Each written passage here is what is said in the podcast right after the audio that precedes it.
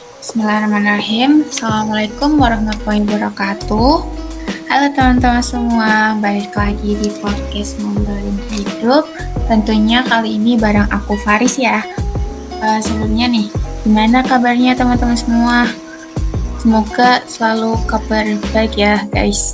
Di mana pun kalian berada, di dalam posisi apa pun itu, semoga kalian tetap sehat selalu dan sukses terus dan terus apa ya dilancarkan segala urusannya. Oke, okay, jadi di episode kali ini uh, podcast ngobrolin hidup itu kedatangan tamu spesial yang sedang jauh di sana.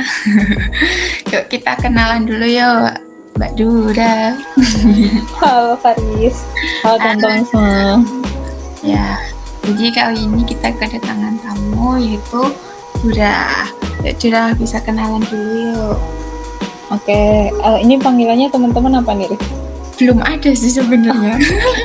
ada aku teman-teman aja berarti. Ya, teman-teman. Halo teman-teman semua, perkenalkan nama aku Dura gitu ya. Sekarang aktivitasnya sebagai mentor di satu persen gitu. Mungkin teman-teman nggak uh, udah familiar juga gitu dengan satu persen gitu dan di situ ada layanan mentoring dan aku salah satu uh, mentor di situ gitu. Salam kenal semuanya.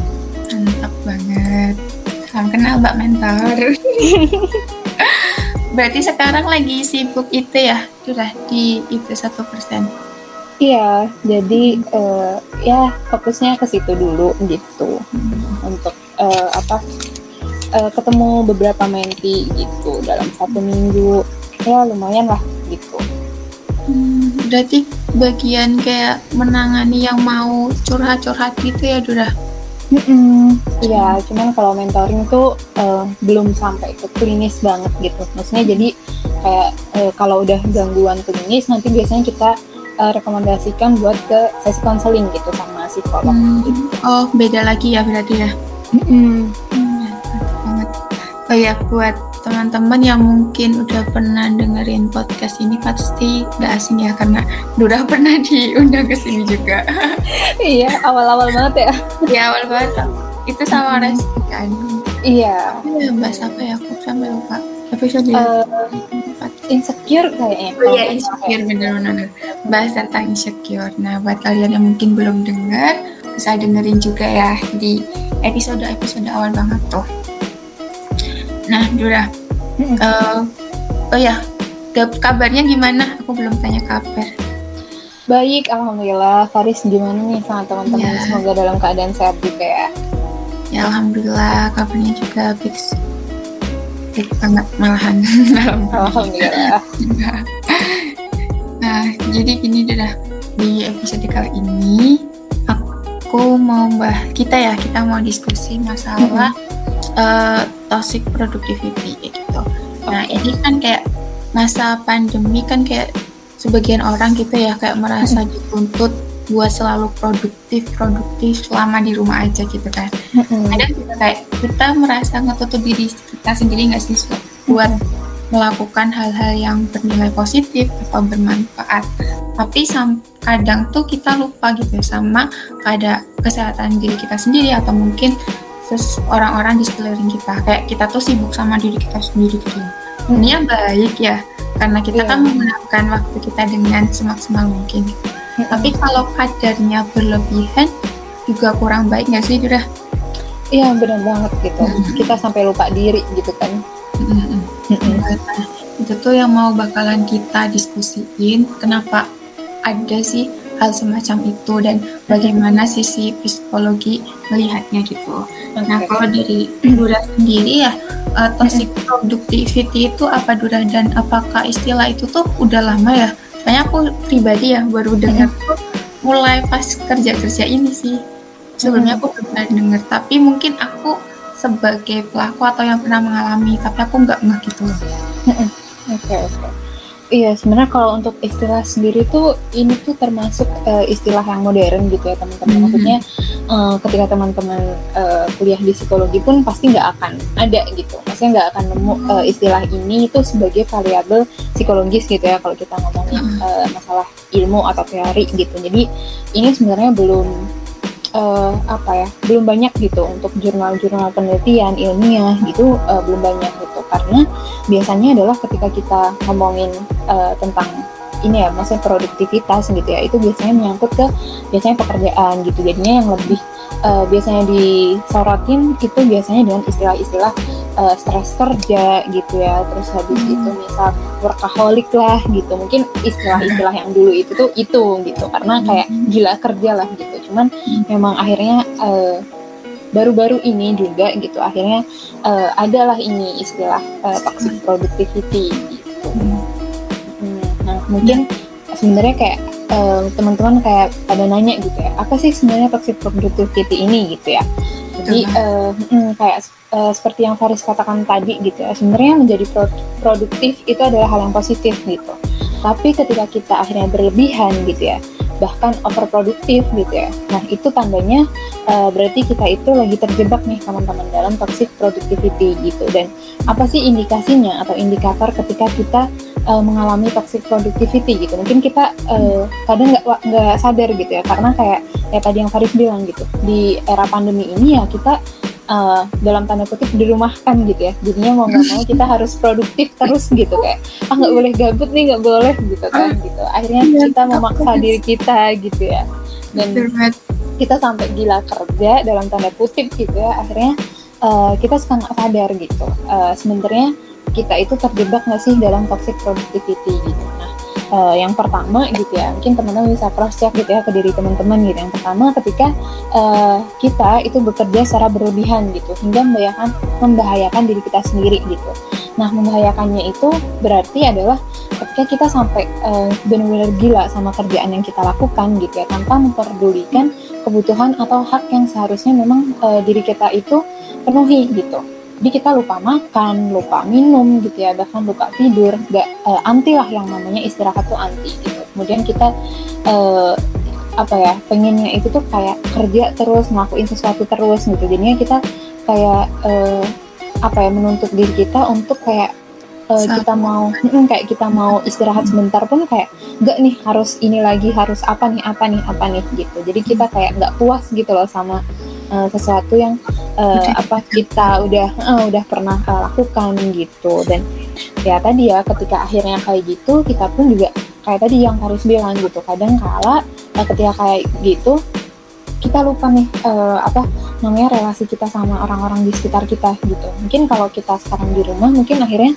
uh, ketika kita menuntut diri kita untuk produktif kita biasanya mungkin kayak kalau kayak gini gitu ya Riz maksudnya aku kolab sama kamu gitu ya. Kan ini aku sama kamu tuh orang luar gitu kan. Maksudnya enggak, iya. padahal aku di rumah nih. Nah sampai akhirnya mungkin aku terlena gitu kan. Sampai aku nggak eh, nggak uh, ngeh nih sama uh, orang-orang di rumah orang-orang di sekitar aku lagi. Hmm. kenapa? Ngapain gitu? Karena uh, apa uh, relasi yang aku jalin gitu ya itu justru sama orang-orang lain. Dan itu bukan uh, relasi yang untuk uh, memang hubungan interpersonal yang pure gitu loh. Uh, bukan hmm. untuk kayak kita sharing uh, tentang kondisi kita tapi memang hubungannya kayak lebih ke pekerjaan atau mungkin menghasilkan sesuatu lah gitu. Ya benar-benar.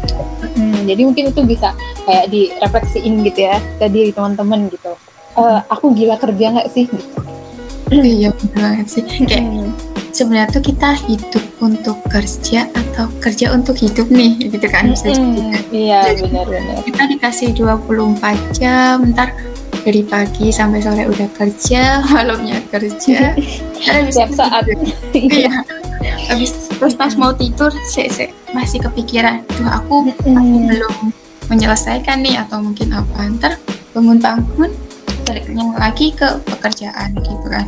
Nah ya sih sebenarnya nggak mulu-mulu soal pekerjaan gitu ya. Entah mm-hmm. untuk tes kuliah atau mungkin iya.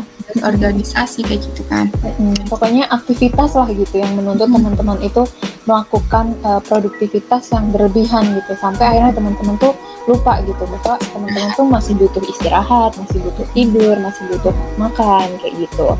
Terus indikasi yang kedua yaitu ketika kita itu sering kali punya ekspektasi yang tidak realistis nih teman-teman. Jadi uh, kita uh, apa ya ibarat kata kayak kita itu belum benar-benar mengenal nih sama kemampuan diri kita itu tuh sejauh mana sih. Tapi kita terlalu uh, tadi udah kepikiran bahwa kayak wah nih loh kita tuh dituntut untuk produktif gitu. Sampai akhirnya kita kayak menuntut diri kita untuk A B C D gitu. Padahal sebenarnya itu kadang kita uh, memang bukan kemampuan kita untuk di bidang itu gitu. Tapi kita terlalu memaksakan diri kita gitu. Sampai akhirnya uh, kita itu punya target-target yang memang nggak realistis untuk kita capai gitu. Atau uh, apa ya ibarat kata kayak melaw apa ya melenceng melampaui batas juga melenceng juga gitu. Uh, yang tidak sesuai gitu. Sama sebenarnya kemampuan kita itu di mana sih gitu kayak gitu. Hmm. jadi akhirnya pun juga ketika target-target yang nggak realistis ini seseorang itu juga melakukan akhirnya banyak hal gitu tanpa jeda tapi dia nggak ngerti gitu ini tuh buat apa sih aku ngelakuin ini? gitu. Tapi yang penting pengennya produktif aja gitu. Jadi akhirnya apa ya? Aku ngelakuin apa ya? Oh udah A nih B gitu. Gimana? Jatuhnya sibuk ya Dura Maksudnya kayak kita ngelakuin sesuatu tapi kita nggak tahu gitu loh kenapa sih kita ngelakuin nggak ada why iya. kita bener-bener nggak ngerti nih sebenarnya kita ngelakuin ini tuh apa sih untungnya buat kita gitu? Maksudnya kenapa kita harus ngelakuin itu gitu? Karena kadang kali ya banyak yang akhirnya kita lakukan tapi itu sebenarnya eh, nggak uh, perlu loh untuk kita lakukan gitu. Karena kita cuma pengennya produktif produktif produktif gitu. Padahal sebenarnya itu nggak perlu gitu. Sayang jadinya sayang membuang waktu gitu kan banyak target pun kalau mm misal apa ya nggak sesuai, sesuai sama kemampuan kita juga jatuhnya nanti ke toxic ya gitu ya jadi kayak mm. ujung-ujungnya malah hasilnya nggak ada nggak sih? Iya nggak maksimal jadinya kayak setengah-setengah kan gitu kalau banyak dan padahal itu benar-benar nggak sesuai lagi misal nggak sesuai sama kemampuan kita. Jadinya ya nol akhirnya gitu ya. Maksudnya kita udah berusaha ngoyo ya gitu. Maksudnya benar-benar berjuang keras di situ tapi ternyata di situ. Nggak di situ. Hmm. terus indikasi yang ketiga itu ketika kita tidak pernah merasa cukup puas dengan diri kita gitu. Jadinya padahal sebenarnya ketika uh, dilihat secara objektif gitu ya apa yang udah kita lakukan itu sebenarnya udah lebih loh dari cukup gitu. Tapi kita menuntut diri kita untuk ayo apalagi nih ketika kita udah A ayo B C D gitu. Sampai ini. Jadi kita nggak pernah ada rasa puas gitu untuk apa ya aku apa ya? gitu kayak gitu. Yang belum apa ya yang belum. Kayak gitu bener-bener. Ya yes. terus yang terakhir gitu ya indikasi yang terakhir itu ketika kita itu sangat anti yang namanya sama kata istirahat gitu. Jadi meskipun kita sakit gitu ya kita uh, ketika kita sedang ada di toxic productivity gitu ya kita nggak mau gitu untuk diem untuk istirahat untuk tidur bahkan gitu. Itu kita nggak mau gitu. Justru sebaliknya gitu memilih untuk nggak tinggal diam gitu untuk ngelakuin apa pun lah gitu yang sekiranya tetap bisa dilakuin ketika dalam uh, posisi sakit gitu karena gitu ya teman-teman uh, ketika orang akhirnya terjebak di sini gitu ya terjebak di uh, di toxic productivity ini uh, sebagian besar dari uh, orang yang terjebak di sini itu memandang bahwa ketika orang yang uh, istirahat gitu ya. Terus kayaknya kok cenderung hidupnya tuh santai gitu ya. Itu tuh uh, apa pikirannya atau penilaiannya itu justru cenderung negatif gitu. Karena dinilai hmm. sebagai orang yang males gitu ya. Kemudian nggak punya target gitu loh. Di hidupnya tuh nggak punya target. Karena dia mikir kalau uh, orang yang pengen berhasil ya nggak boleh istirahat banyak gitu. Kayak pokoknya harus kerja kerja kerja gitu. Jadi pikirannya kayak gitu, iya sih benar banget hmm. ya produktif itu tentang harus kita bisa membagi antara mana yang harus kita kerjakan dulu dan enggak gitu ya sudah harusnya kayak mm harus ada waktu istirahatnya gitu ya. Ya boleh kayak mikirin seharian full itu tentang pekerjaan. Mm tetap sayangi diri kita ya teman-teman. Karena iya sih toxic productivity itu kan juga kayak ketika kita istirahat tuh kayak kita merasa salah kok aku hari ini nggak ngapa-ngapain gitu gak sih? Bener bener. Rasa feeling guilty gitu kan iya, kayak, ya ampun aku ngapain nih hari ini? Kayaknya cuma ini doang. Gitu. doang ya? Gitu. Hmm. ada. Tapi aku juga pernah ngalamin gitu loh Dira jadi kayak kan kerja udah kayak Senin sampai Sabtu gitu kan full kerja terus pas Sabtu tuh aku istirahat kan maksudnya kayak ya nggak ngurusin pekerjaan. Terus aku kayak merasa aduh kok aku masa cuma rebahan? Itu tuh aku pernah terbesit kayak gitu loh. Pas itu kan kayak aku pingin kayak sebelum hari sebelumnya tuh kayak ya aku pingin ah minggu tuh rehat gitu kan. Nah kayak istirahat entah cuma di kosan atau mungkin keluar bentar gitu. Terus mikir wah kok aku cuma kayak gini? Tapi aku juga kayak mikir lagi lo kamu kan udah kerja dari, dari Senin sampai Sabtu kayak gitu. Terus kadang yang sampai malam gitu. Masa iya sih? Cuma ngeluangin satu hari gitu untuk merefresh pikiranmu aja ada ngerasa berat. Cuma saat itu sometime gitu loh muncul Iya, terus benar. kayak gitu. Terus sempat juga jadi ini yang jadi alasan kenapa akhirnya ngobrolin hidup Mm-mm. mau ingin bahas ini. Jadi itu aku kan ada sedikit cerita ya Dora. Ada teman aku gitu ya yang sempat cerita. Ya kayak gitu ya kayak ngerasain aku banget. Kayak tiap hari dia udah kerja Senin sampai Sabtu. Terus pas weekend itu kayak dia ya jatuhnya ke, ke pekerjaan lagi gitu loh. Kayak bayangin Senin sampai Sabtu udah kerja terus minggu tuh dia kerja gitu. Tapi tuh dia kayak mau ninggalin ngerasanya bersalah gitu kan. Itu tuh sampai beberapa kali dia ngalamin kayak gitu dan pada akhirnya pada suatu hari kayak dia ngerasa jenuh. Masa aku cuma kayak gini doang sih gitu. Cuma dia kadang bingung sih. Emang kalau mau keluar juga ngapain gitu kan. Iya. jadi pernah ngalamin kayak gitu gak Dora? Kayak pernah dong. Pasti nggak sih? Kayaknya tiap orang kayaknya pernah sih harusnya.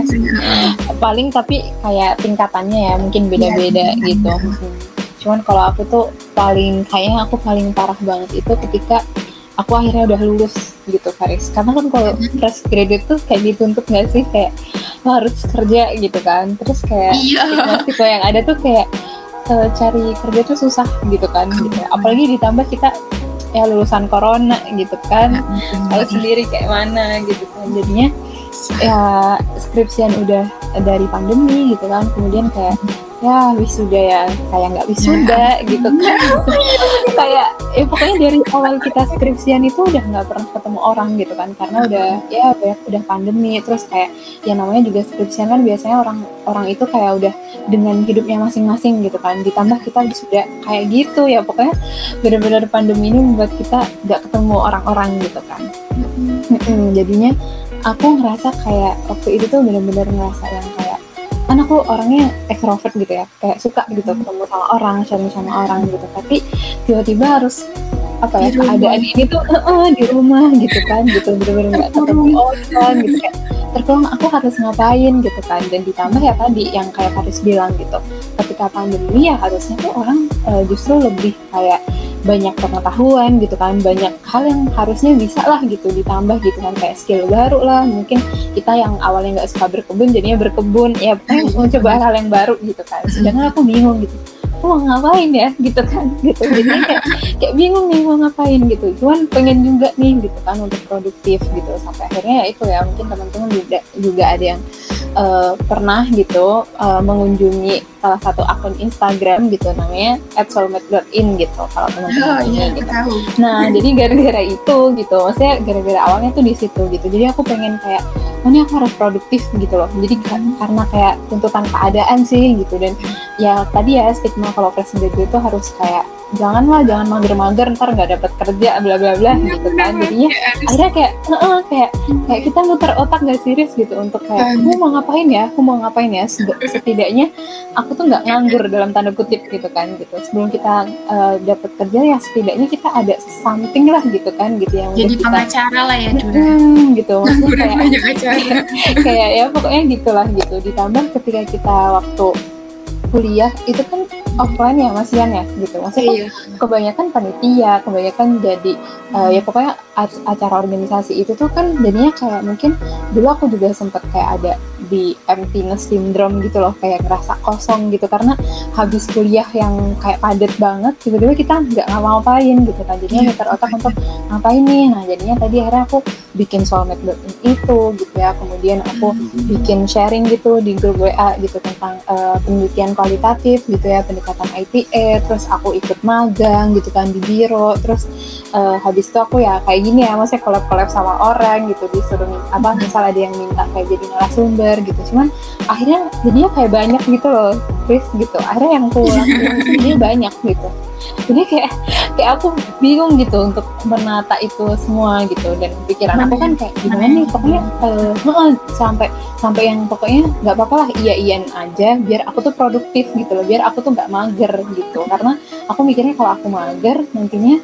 ya itu tadi maksudnya aku akhirnya juga nantinya bingung kan gitu ke depannya nanti uh, apa malas kerja lah malas ini malas ini. Nah takutnya itu kayak gitu. Karena aku tuh cenderung orang yang terstruktur gitu kan. Dan aku merasa bahwa ketika aku banyak kerjaan gitu ya maksudnya banyak banyak hal yang harus aku lakukan justru manajemen waktu aku tuh bagus gitu.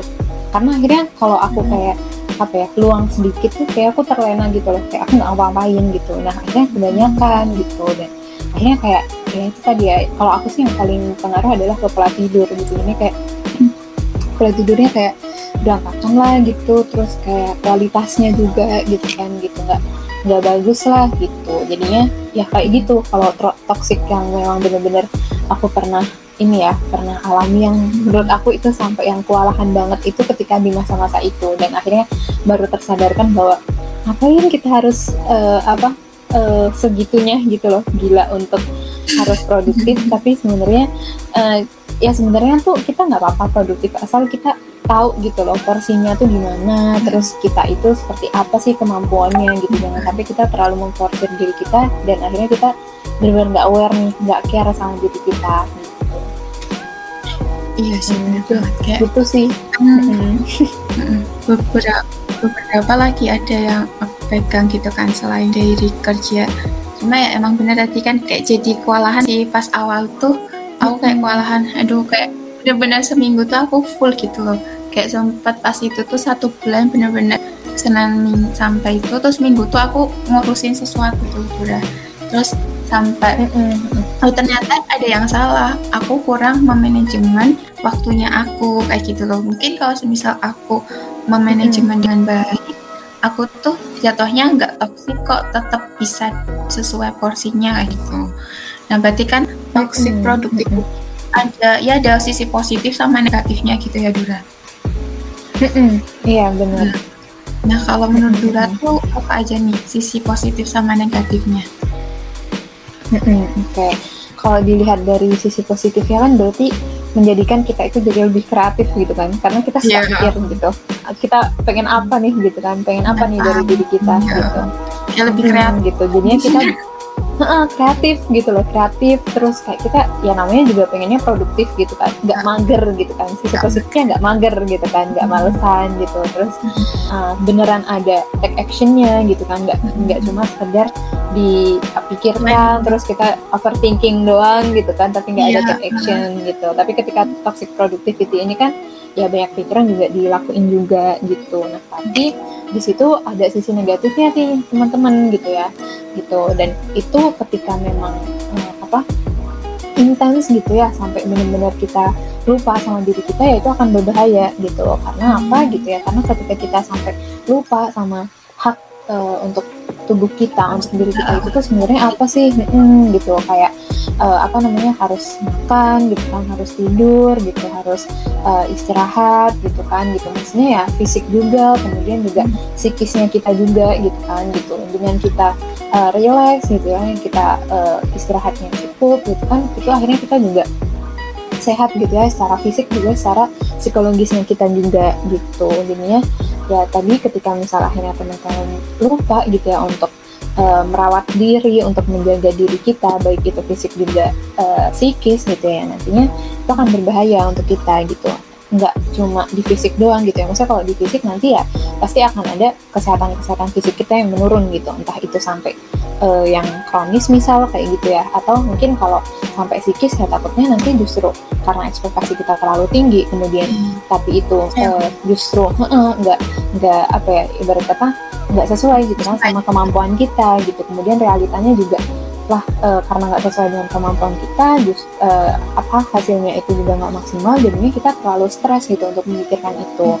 Nantinya ketika kita nyesel gitu ya ketika kita ngerasa kok kok gagal terus ya? Kok kayak gini ya? Sebenarnya kan bukan kita yang salah ya maksudnya bukan karena iya. kita uh, bukan terus kayak nggak bisa apa-apa tapi mungkin kita bidangnya bukan di situ misal kayak gitu. Hmm. jadi kita terlalu memaksakan di, diri di situ gitu. Nantinya kesehatan psikologis kita pun juga akan uh, apa menurun juga entah itu sampai di tahap stres misal sampai misal bisa uh, apa uh, teman-teman bisa mengalami efek depresif misal kayak gitu sampai ke hal-hal dan atau mengarah ke gangguan psikologis gitu. Jadi takutnya sampai ke arah situ gitu. Hmm, gitu. Ketika misal uh, tadi maksudnya ketika kita merasa diri kita uh, apa nggak puas terus gitu kan. Pengennya di apa ya dipandang kita itu produktif terus kita selalu memaksakan diri kita gitu loh. Sampai benar-benar memforsir diri ya nantinya takutnya sampai ke arah situ gitu. Gitu dan uh, apa mungkin yang juga jadi catatan adalah ketika tadi ya kita udah uh, memforsir apa pun yang uh, apa yang ada di diri kita gitu ya. Entah itu tenaga entah itu pikiran entah itu waktu gitu. Bahkan misal materi gitu ya padahal ternyata yang kita lakukan itu justru uh, bukan merupakan bagian dari step untuk kita itu menuju goals yang kita uh, inginkan sebenarnya gitu. Jadinya kita justru melenceng gitu loh uh, dari uh, apa ya track yang benar gitu untuk kita sebenarnya menuju ke tujuan hidup kita yang sebenarnya gitu. Jadi kan akhirnya jadi wasting time gitu ya maksudnya akhirnya uh, kita justru yang ngapain sih kita uh, apa benar-benar memforsir diri kita tapi sebenarnya itu nggak membantu kita untuk mencapai goals kita yang sesungguhnya gitu jadi hmm. negatifnya di situ gitu benar-benar berarti hmm. itu intinya tentang kita harus tahu porsinya dulu nggak sih dulu hmm. iya porsinya kapan hmm. kita harus produktif kapan hmm. kita ya. karena uh, seharusnya kita gitu ya yang mengon kita harus bisa mengontrol apa yang kita lakukan atau atau istilahnya ya produk yang produktivitas yang mau kita lakukan kita ya. Bukan uh, produktivitas itu yang mengontrol kita. Nanti jatuhnya kita kayak tadi banyak pikiran jatuhnya kayak stres terus uh, di luar ekspektasi kita nanti balik lagi kecewa gitu kan. Iya benar. uh, ujung-ujung kayak kita nggak berterima kasih lah sama di uh, gitu kan sih? Iya benar benar benar banget. Nah kalau Nah itu kan tadi ada kaitannya ya toxic productivity sama mungkin bisa dibilang kesehatan psikis kita gitu ya Dora. Nah, kalau dari sisi psikologi melihat kayak gitu fenomena kayak gitu gimana Dora? Oke. Okay.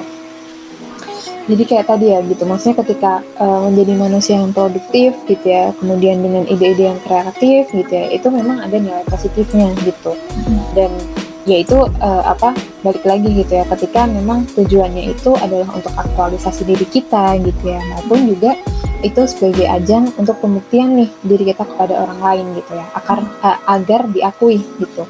Nah sebenarnya kedua tujuan ini tuh nggak salah gitu teman-teman. Ketika kita uh, melakukan produktif itu untuk adanya pengakuan untuk adanya uh, sarana untuk diri kita untuk aktualisasi diri gitu. Karena memang itu ya memang kebutuhan dasar kita sebagai manusia gitu. Karena juga uh, teman-teman ketika tahu yang ada uh, tokoh psikologi namanya Maslow gitu. Dia itu punya teori yang namanya piramida hierarki kebutuhan manusia gitu. Nah di uh, piramida itu gitu ya itu dua tujuan tadi gitu ya untuk pengakuan uh, orang lain gitu ya pengakuan dari orang lain gitu ya. Rasa untuk diakui rasa untuk dihargai kemudian aktualisasi diri gitu ya. Itu memang kebutuhan dari uh, manusia gitu. Jadi sebenarnya nggak salah gitu ketika teman-teman memang melakukan itu uh, karena dengan apa dengan tujuan seperti itu gitu. Tapi akan tidak baik dampaknya gitu ya untuk diri kita di saat diri kita itu akhirnya uh, memforsir gitu. Kayak ya tadi uh, poinnya adalah ketika kita nggak tahu porsinya itu tuh uh, secara seimbang gitu. Secara seimbang itu bukan berarti ketika semua tugas atau kerjaan kita itu kita pukul rata. Misal ini harus 50 ya 50 semua. Enggak gitu. Tapi kayak misal nih uh, apa sekarang kita uh, posisinya lagi kerja gitu ya. Misal Farid lagi kerja gitu oh ya berarti kan kerja adalah fokusnya yang fokus pertama gitu kan. Fokus utamanya ya kerja gitu. Oh ya udah senin sampai jumat itu atau sampai sabtu gitu ya sampai sabtu itu ya untuk kerja gitu. Tapi kan uh, minggunya tetap masih ada tuh kan gitu untuk istirahat gitu ya. Untuk istirahat tuh ya bukan terus kayak malas-malasan doang kayak rebahan gitu doang gitu. Tapi sebenarnya kita ketika itu tetap ada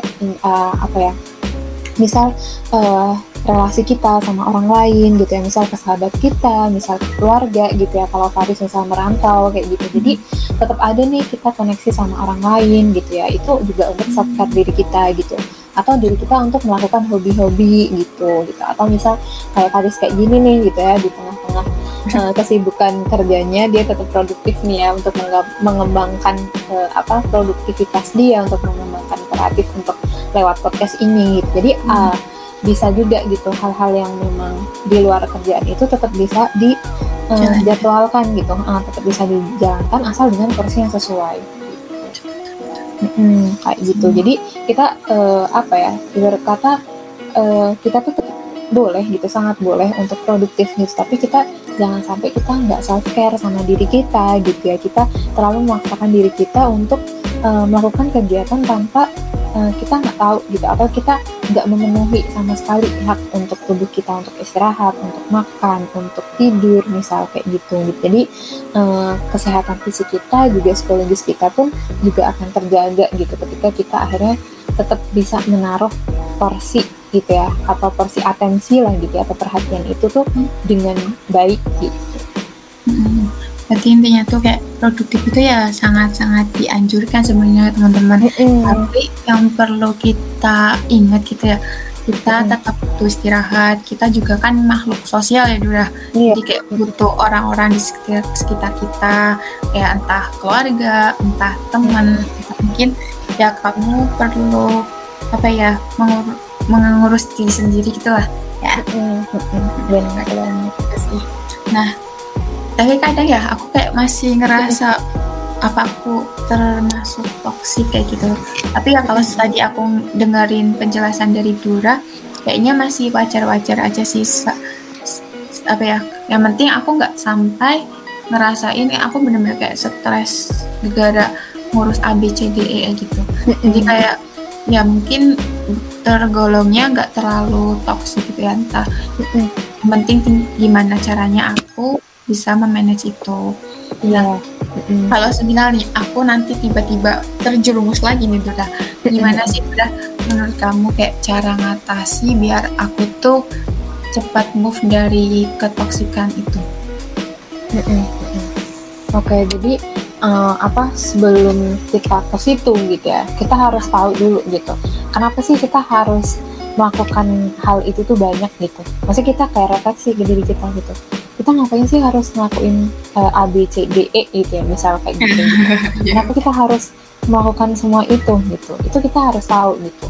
Apakah memang itu tuh yang kita inginkan? Apakah itu memang sebenarnya kita butuhkan gitu ya? Ya balik lagi gitu. Ketika kita akhirnya itu sebenarnya kita butuhkan nggak kita perlukan gitu ya untuk uh, menuju ke goalsnya kita gitu yang sebenarnya ya jangan dilakukan gitu. Karena uh, karena memang ketika kita kayak gitu uh, justru nggak baik gitu untuk kita gitu. Karena kita kan cenderungnya jadi yes man ya teman-teman gitu. Karena uh, ketika kita kayak misal dimintain tolong atau minta ini doang gitu. Misal kita udah punya kerjaan utama A gitu ya terus kita dimintain tolong B C D gitu. Justru lebih banyak gitu. Tapi karena kita uh, jadi orang yang yes man gitu ya jadi kita iya iya aja gitu. Padahal itu sebenarnya uh, bisa nggak sih? gitu. Kemampuan kita tuh bisa nggak sih untuk mengatasi itu? Apakah kita akhirnya sampai benar-benar karena sungkan akhirnya kita iya mengiyakan gitu ya. Terus kita uh, merelakan waktu kita untuk istirahat untuk lembur misal kayak gitu. Kan sebenarnya juga kasihan juga gitu kan sama diri hmm. kita gitu. Dan itu yang harus teman-teman pahami gitu kayak ngapain sih harus ini? Apakah hanya sekedar untuk pembuktian doang gitu? Tapi kan kalau pembuktian doang ke orang lain gitu ya itu memang butuh gitu. Tapi jangan sampai itu jadi yang kayak apa ya pertama uh, motivasi uh, motivasi eksternal pertama kita gitu. Kayak bener-bener fokus utama kita tuh ya biar diakui gitu. Ya ketika kita mengharapkan itu ya nggak akan ada habisnya gitu loh gitu. Maksudnya ketika itu jadi benar kita ya kita sampai nyampe lari ke mana pun ya pasti ketika kita ingin dihargai ingin diakui ya pasti pengennya lebih lebih lebih gitu. Jadi nggak akan puas gitu di kita gitu dan ketika memang sarananya memang untuk aktualisasi diri kita gitu ya kita pengen uh, self improvement nih. Jadi kita tuh sebenarnya mampu nggak sih di bidang ini? Oh ya nggak apa-apa gitu. Tapi tetap uh, apa ya ibarat kata tetap tadi gitu. Uh, apa melihat uh, kita memang ada nggak sih passion di situ? Memang uh, punya nggak sih ketertarikan di situ? Memang minatnya kita di situ nggak sih gitu? Dan kemampuan diri kita memang bisa nggak untuk melakukan itu gitu. Nah baru ke mungkin ketika akhirnya kita udah terjebak gitu ya tadi ya kata Faris gitu. Gimana nih untuk akhirnya ketika kita udah sadar penyebabnya apa kemudian biar kita bisa uh, keluar ya, mengatasi ya uh, keluar dari zona ini tuh kayak gimana gitu. Hmm, nah, jadi yang uh, pertama kali banget gitu teman-teman harus menentukan goalsnya teman-teman itu tuh apa gitu.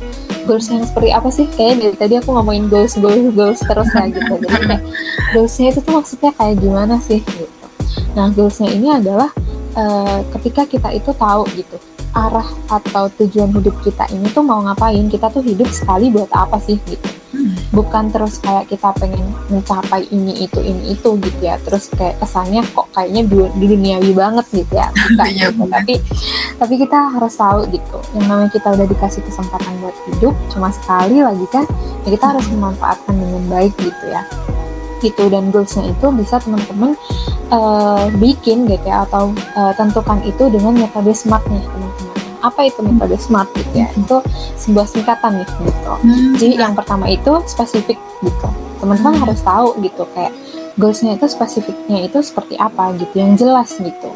Oh aku mau kerja jadi HR misal gitu ya HR hmm. di bagian rekrut uh, rekrutmen misal kayak gitu. Oh di perusahaan mana gitu. Terus uh, yang seperti apa gitu job desknya kayak gimana gitu. Nah itu harus jelas misal kayak gitu.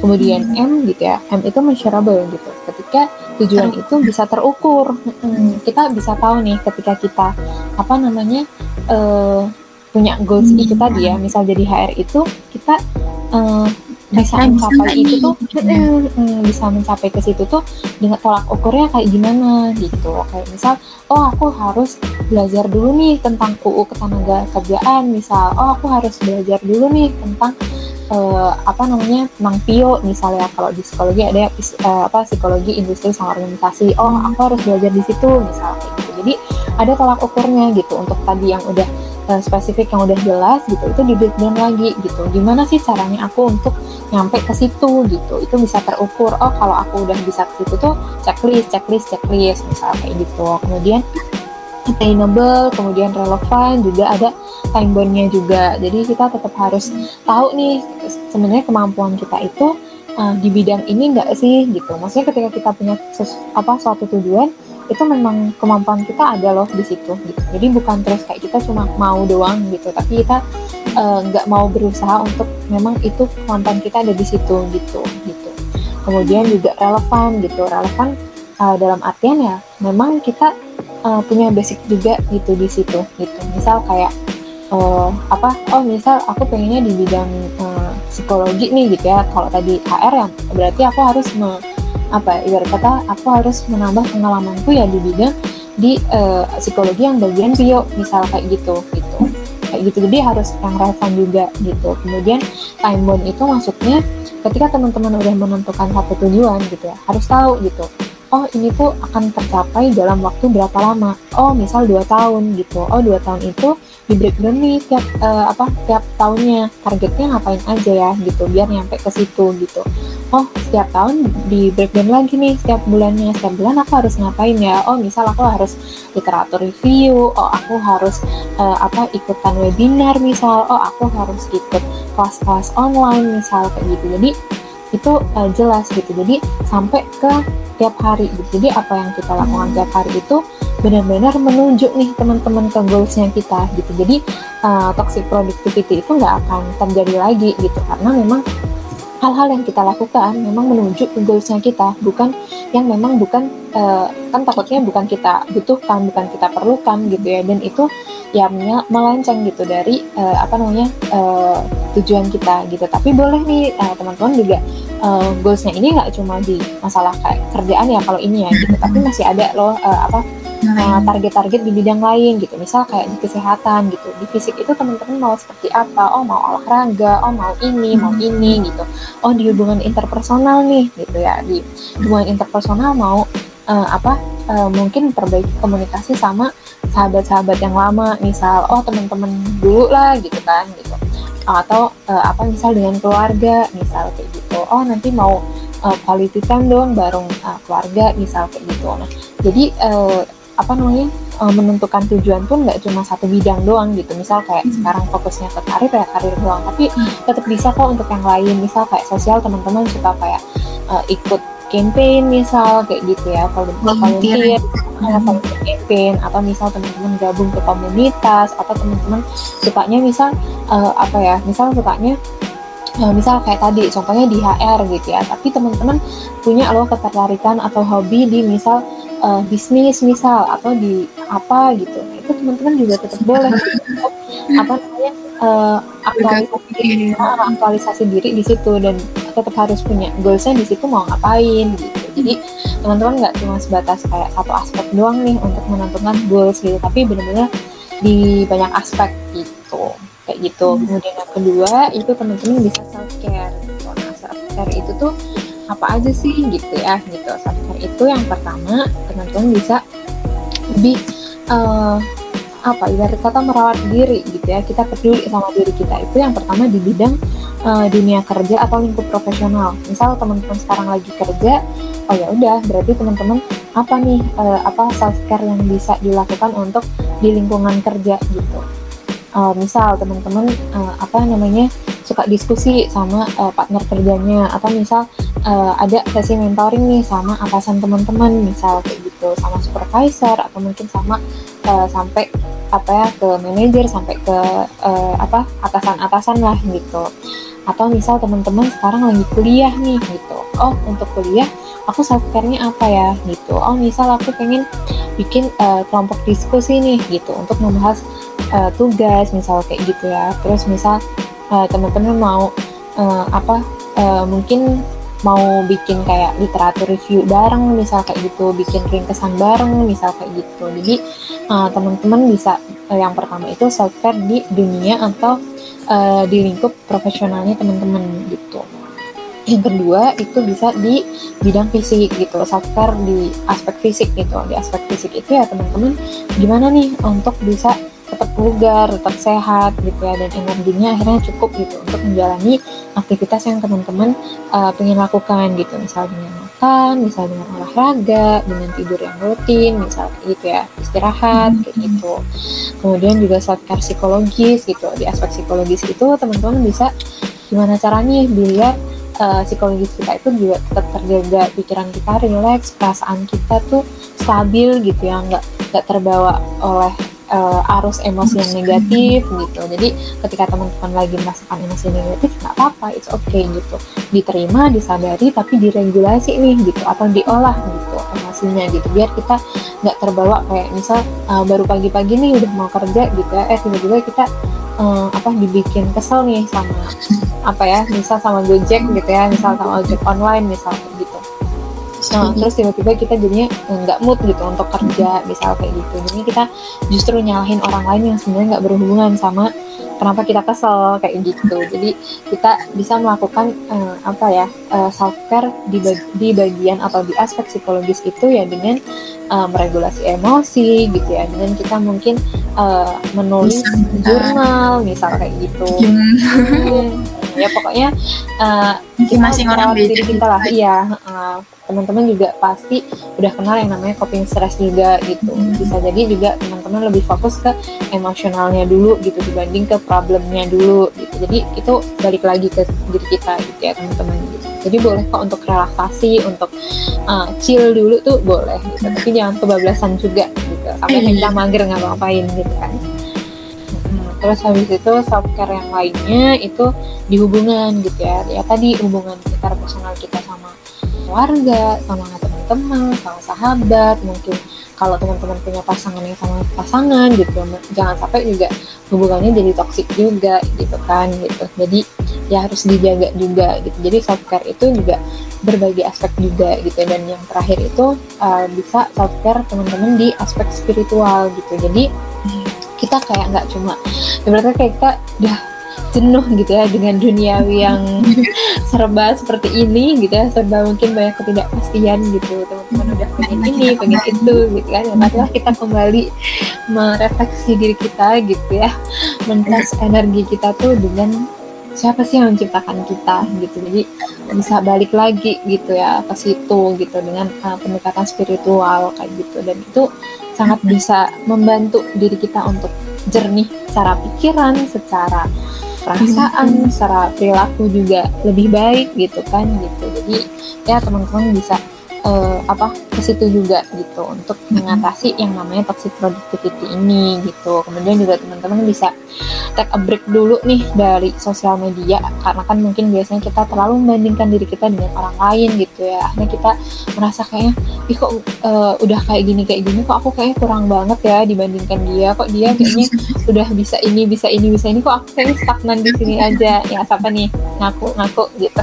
Yang suka overthinking kayak gini atau rasa insecure gitu ya.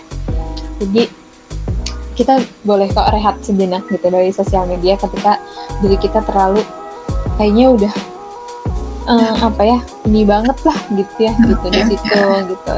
Biar kita juga terhindar yang namanya FOMO juga gitu ya teman-teman gitu. Gitu karena terlalu edik juga sama yang namanya medsos gitu. Kemudian yang kalah penting adalah kita bisa define healthy personal boundaries gitu uh, personal boundaries seperti apa sih yang benar-benar menyehatkan diri kita gitu. Jadi personal boundaries atau batasan personal ini tuh benar-benar menurut aku ini hal yang urgent juga gitu ya untuk kita punya teman-teman gitu. Biar kita itu tahu gitu. Karena uh, apa namanya?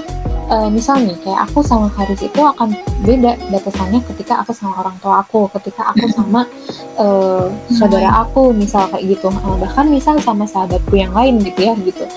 Akan beda gitu. Jadinya kita harus tahu nih batasan yang nyaman, batasan yang sehat ketika kita sama si A tuh seperti apa, sama si B seperti apa gitu dan batasan ini tuh meliputi apa sih gitu ya. Itu ada batasan fisik, ada bas ada batasan intelektual, ada batasan emosional, ada seksual, ada material, juga ada waktu gitu. Dan itu teman-teman bisa sesuaikan tiap individu ini tuh relevannya uh, pakai batasan tipe yang mana aja ya gitu. Maksudnya yang fisik uh, fisik aja kah atau fisik intelektual emosional misal kayak gitu. Jadi uh, misal uh, apa ketika teman-teman udah uh, berkeluarga ya teman-teman pasti punya pasangan gitu kan. Mungkin batasannya akan berbeda misal gitu. Ada ada tambahan material ada waktu ada seksual misal kayak gitu jadi itu tetap uh, disesuaikan gitu. Jadi tiap uh, orang itu pasti punya batasannya masing-masing. Uh, dan kita pasti juga pendekatannya ke setiap orang pun akan berbeda gitu. Walaupun mungkin itu dalam circle yang sama misal kayak gitu. Hmm, jadi mungkin itu gitu ya teman-teman. Uh, contoh beberapa contoh gitu untuk kita uh, keluar nih dari toxic productivity gitu. Oke, okay, benar banget sih. Dan poin pertamanya ya kita harus tetap ya udah kita harus bisa mengenali diri kita sendiri. Sebenarnya aku tuh maunya kayak gimana? Dan, kita, dan setelah kita mengetahui oh aku pilihnya A nih. Nah kenapa mm-hmm. sih aku harus ngelakuin A? Dan gimana sih caranya? Biar kayak lebih terukur gitu ya. Nanti jatuhnya kayak hmm. resolusi ya Dura ya sih? Biar iya benar. Ya. Nah yang kedua itu biar kita cepat keluar dari yang namanya toxic productivity itu kita harus mengetahui self care kita. Tadi ya salah satunya dengan cara spiritual ya. Dan itu tuh kayak uh, lebih manjur gak sih Dura kayak lebih tenang gak sih ketika kita memang udah bener-bener jenuh terus kita kembali ke yang menghidupkan kita ya. Kayak yang kepada kuasa gitulah ya entah kalian sholat ataupun entah berdoa gitu. Itu tuh kayak lebih menenangkan gitu. Kayak oh ya ya kenapa sih? Mungkin apakah kita terlalu duniawi banget? Makanya kita bikin rasa jenuh kayak gitu. Dan yang terakhir itu kita harus tahu batasan dari diri kita masing-masing gitu. Nah iya, kalau tadi kan uh, gimana sih caranya biar aku bisa keluar dari toxic productivity ya gitu lah. Dan itu kan kayak itu hal-hal yang bisa aku kendalikan gitu loh. Bisa kita aku bisa kendaliin gimana caranya keluar dari posisi tidak nyaman itu nah kalau semisal ini nih kebalikannya gitu. Misal nih ini Dura terus aku yang ngerasa lagi di toxic productivity nih. Nah kalau Dura nanti caranya gimana? Misal nih aku Dura yang lagi toxic productivity itu kayak aku kan masih awam gitu ya Dura. Nah sebaiknya tuh aku gimana sih buat ke kamunya gitu. Oke oke. Iya jadi sebenarnya kan uh, apa ya ketika kita sama orang lain itu kan orang lain adalah faktor eksternal dari diri kita gitu ya teman-teman gitu yang ya, itu nggak bisa, kita... bisa kita kendalikan gitu ya kita tahu gitu bahwa itu sesuatu yang nggak bisa kita kendalikan yang apa ya maksudnya kita nggak bisa menuntut dia untuk harus kayak gini harus kayak gini. misal kita udah ngerti mm misal kita udah lebih ngerti nih tentang oh kalau kayak gini tuh kamu nanti toxic productivity loh gini-gini misal kayak gitu. Padahal di saat itu bukan itu sebenarnya yang dia butuhkan misal kayak gitu. Hmm. karena uh, saat- uh, apa barangkali ketika kita baru mau ngomong tapi momennya tuh nggak tepat gitu. Ketika dia lagi lagi benar-benar stres gitu ya gitu. Eh kita malah nasihatin dia gitu kayak eh, ini tuh kayak gini kayak gini kayak gini loh. Gitu. harusnya Kamu tuh gitu harusnya kayak gini ya gitu kan ih kamu kalau kayak gitu tuh kamu nggak self care sama diri kamu gitu. Kamu nggak self love sama diri kamu gitu kita justru marah-marahin dia gitu ya. Dia yang ada jatuhnya malah makin ini ya. orang? Ngapain sih orang? Maksudnya orang kita aja udah stres malah ini ditambahin sama dia ngomel-ngomel ke diri kita gitu ya. Itu pasti ketika aku di kayak gituin Faris pasti aku juga ih ini orang ngapain? gitu ya kesel banget gitu kayak gitu. pasti orang itu juga akan kayak gitu. Jadi kita harus tahu juga gitu kondisi teman kita ini tuh lagi kayak gimana sih gitu. Gitu. Misal dia lagi kayaknya tuh kok kayaknya hmm, apa moodnya tuh kok kayaknya lagi nggak bagus ya gitu. Kok kayaknya dia tuh banyak pikiran ya. Kan kita sebagai temen yang care gitu ya kita pasti uh, ngeh lah gitu. Ketika teman kita itu lagi misal lagi down gitu ya lagi butuh di, di support lah gitu. Jadi ketika lagi kayak gitu ya kita harus tahu dulu nih kondisi teman kita ini lagi ba- lagi bagus apa enggak. Kalau ketika lagi enggak ya kita jangan kayak tadi gitu ya penasihat yang handal gitu ya. Kita nasihatin dia sampai uh, bawa-bawa um, semua istilah psikologi misal atau bahkan bawa dalil tuh ya jangan sampai gitu ya teman-teman. gitu jadi yang harus kita lakukan ketika teman uh, teman kita itu lagi di fasenya down gitu ya kita jadi sosial supportnya dia gitu. Jadi kita jadi pendengar yang baik untuk dia gitu ya. Kita lebih belajar untuk berempati nih. Oh dia tuh lagi di posisi kayak gini. Oh uh, kita mengvalidasi ya mengvalidasi atau membenarkan memang oh iya benar kalau kamu lagi kayak gitu tuh pasti kesel ya pasti kamu jenuh ya misalnya gitu. Kamu pasti penat ya. Kamu pasti sedih ya ketika diperlakukan kayak gitu misal kayak gitu. Jangan terus kita bawa dalil-dalil tadi ya gitu. jadi itu nggak akan masuk ke dia gitu. Ketika dianya udah cukup stabil gitu ya udah udah nih udah plong gitu kan terus kita masuk nih pelan-pelan gitu. Kita baru bilang gitu nih kalau misal dia udah udah udah selesai cerita ya gitu. Maksudnya kita menjadi pendengar yang baik dulu. Jangan sampai kita justru berbagi cerita tentang diri kita padahal dia pengennya didengarkan gitu. Tapi justru kita yang eh, cerita ke dia gitu. Jadi kita lebih memposisikan diri aja sih gitu. Sebenarnya kita pintar-pintar eh, memposisikan diri ke teman kita itu kayak gimana. Ketika dia udah stabil kita baru masuk pelan-pelan gitu eh btw ini aku kemarin tuh sempat denger loh gitu kan. Misal teman-teman lagi dengernya lewat podcast ini nih gitu. Eh tau gak sih gitu kan gitu. Kayak dianggap apa ya diajak ngobrolnya santai aja nggak usah serius-serius gitu kayak. "Ah, ah, aku kemarin tuh uh, sempat ngedengerin nih podcastnya ngobrolin hidup gitu kan. Dia bahas tentang topiknya itu tentang toxic productivity gitu. Udah cerita aja. Yang aku dapet tuh kayak gini kayak gini. Pernah loh aku tuh kayak gini btw kamu pernah nggak sih kayak gitu? Apa jangan-jangan kamu yang sekarang ini apa ngarah ke situ ya gitu? Jadi diajak diajaknya itu sharing gitu loh bukan kayak mikir gitu ya? dibilangin bukan dibilangin kayak kamu tuh toxic productivity loh gitu. Kamu tuh harusnya kayak gini gitu. Aku tuh mau eh, apa ngedengerin podcastnya ngobrolin hidup tuh harusnya kayak gini gitu. Bukan tapi lebih diajak discuss gitu loh teman-teman gitu. Oh kalau kayak gini tuh gini ya gitu. Oh iya gitu. Iya loh kemarin tuh boleh nih kamu ntar aku kasih ya linknya gitu. Siapa tahu itu lebih membantu kamu gitu. Gitu. Jadi kita eh, memposisikan diri kita tuh sebagai ya temen gitu social support bukan terus penasihat ketika memang dia ini. Tapi ketika memang dia butuh ke kita dia bilang kayak ya aku lagi kayak gini nih butuh nih nasihat dari kamu. Nah baru kita boleh masuk gitu. Tapi ketika kita nggak ada hmm, apa ya nggak ada konsen dari teman kita untuk ngasih nasihat ya jangan nasihatin gitu kan.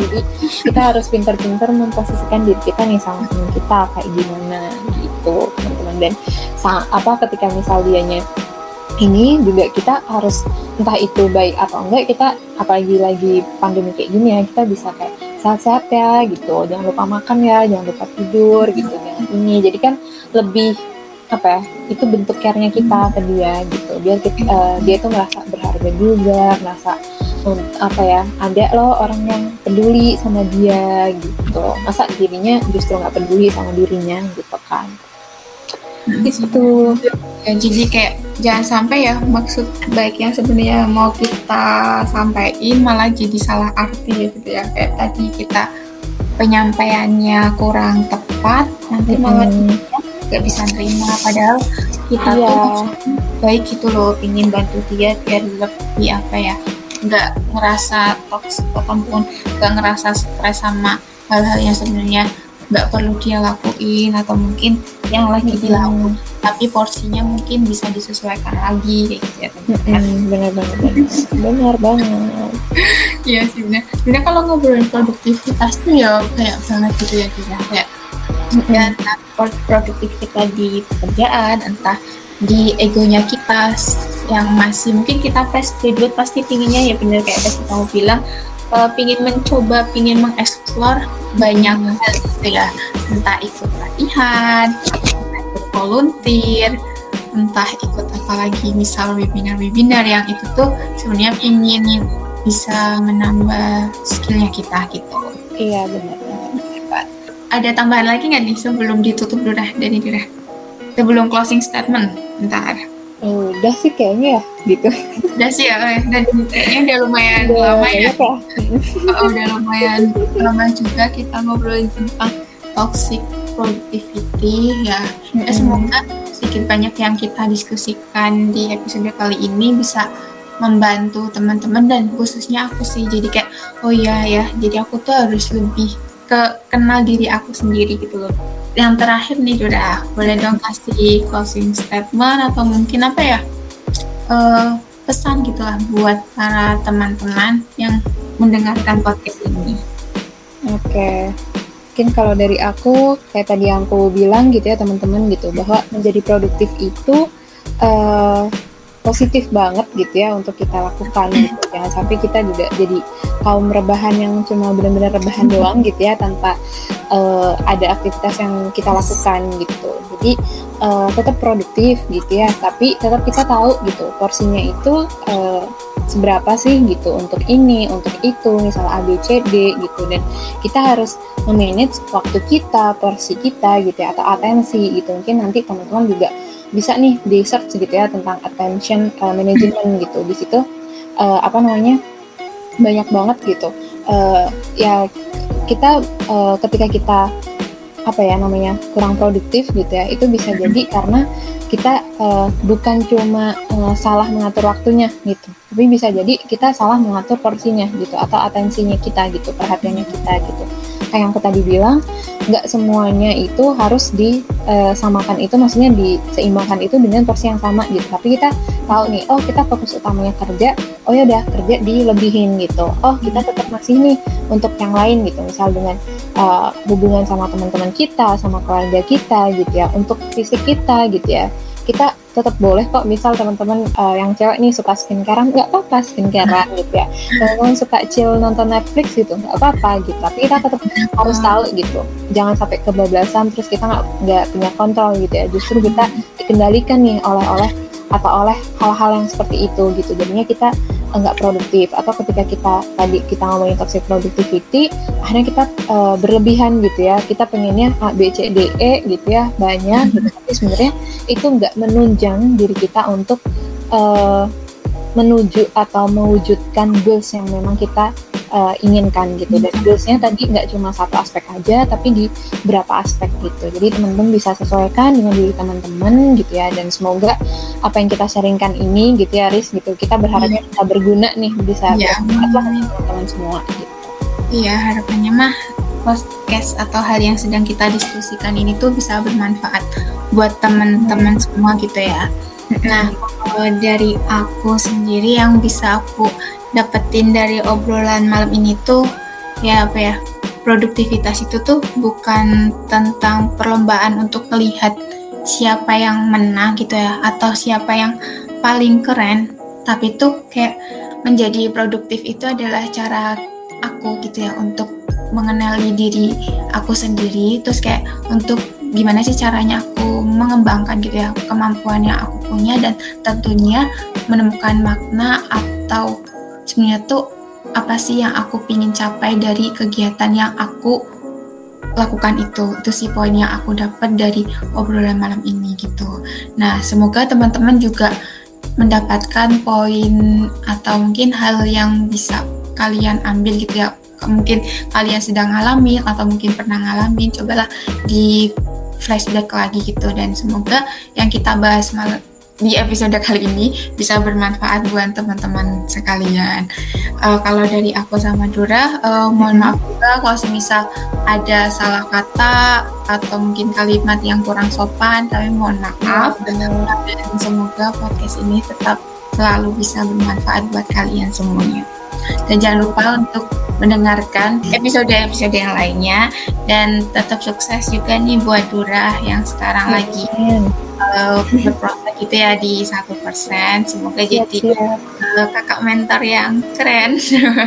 amin amin.